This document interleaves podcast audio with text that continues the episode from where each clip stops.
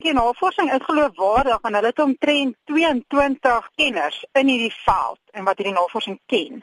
Uit hulle gevra om te kyk na die studies en hulle het na oor die 800 studies gekyk toe hulle na hierdie resultate begin kyk het om te kyk wat is nou die kans dat hierdie rooi vleis en die geprosesede vleis mens kanker kan veroorsaak.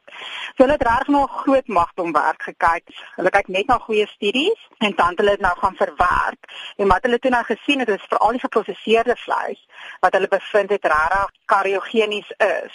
En hulle het dit amper wat in hulle groep noem 'n groep 1 geklassifiseer.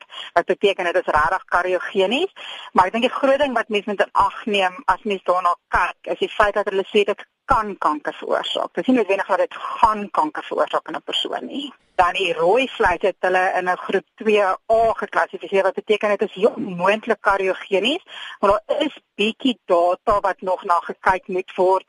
Die um, resultate van die studies is nie so sterk soos wat dit is met die geprosesede vleis nie. En wat as jy net nou en dan verwerkte vleis inneem? Dit is dan heel aanvaarbaar maar wat die studie sê ook dit gaan eintlik oor die daaglikse inname van groot hoeveelhede van die rooi vleis en die geprosesede vleis.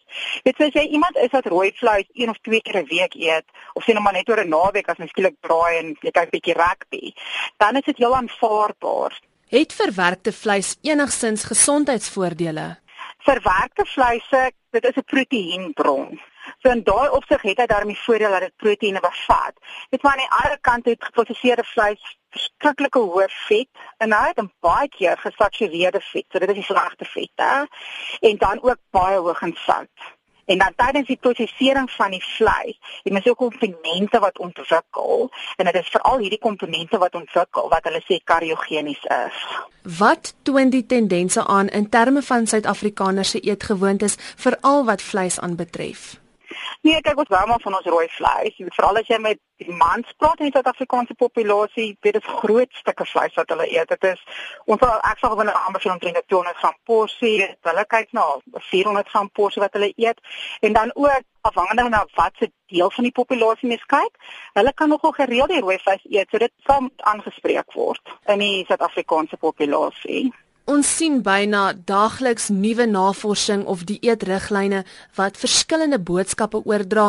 So moet ons op hierdie spesifieke navorsing van die WHO agslaan. Kyk, ek sal veral sê as ek weet dit is nogal 'n geweldige ontwikkelende gebied voeding. So daar kom die hele tyd nuwe studies uit. Dit is as jy gaan kyk na een studie wat skielik nuwe bevindinge het. Net as jy regtig na die standaard van die studie gaan kyk, dan kyk na wie hulle ingesluit het, presies wat het hulle gedoen tydens hierdie studie, maar wat die WHO se bevindinge so goed maak is die feit dat hulle meer as 800 studies ingesluit het toe hulle die dataverwerking gedoen het. So dit mens kan dit maar aan ag neem.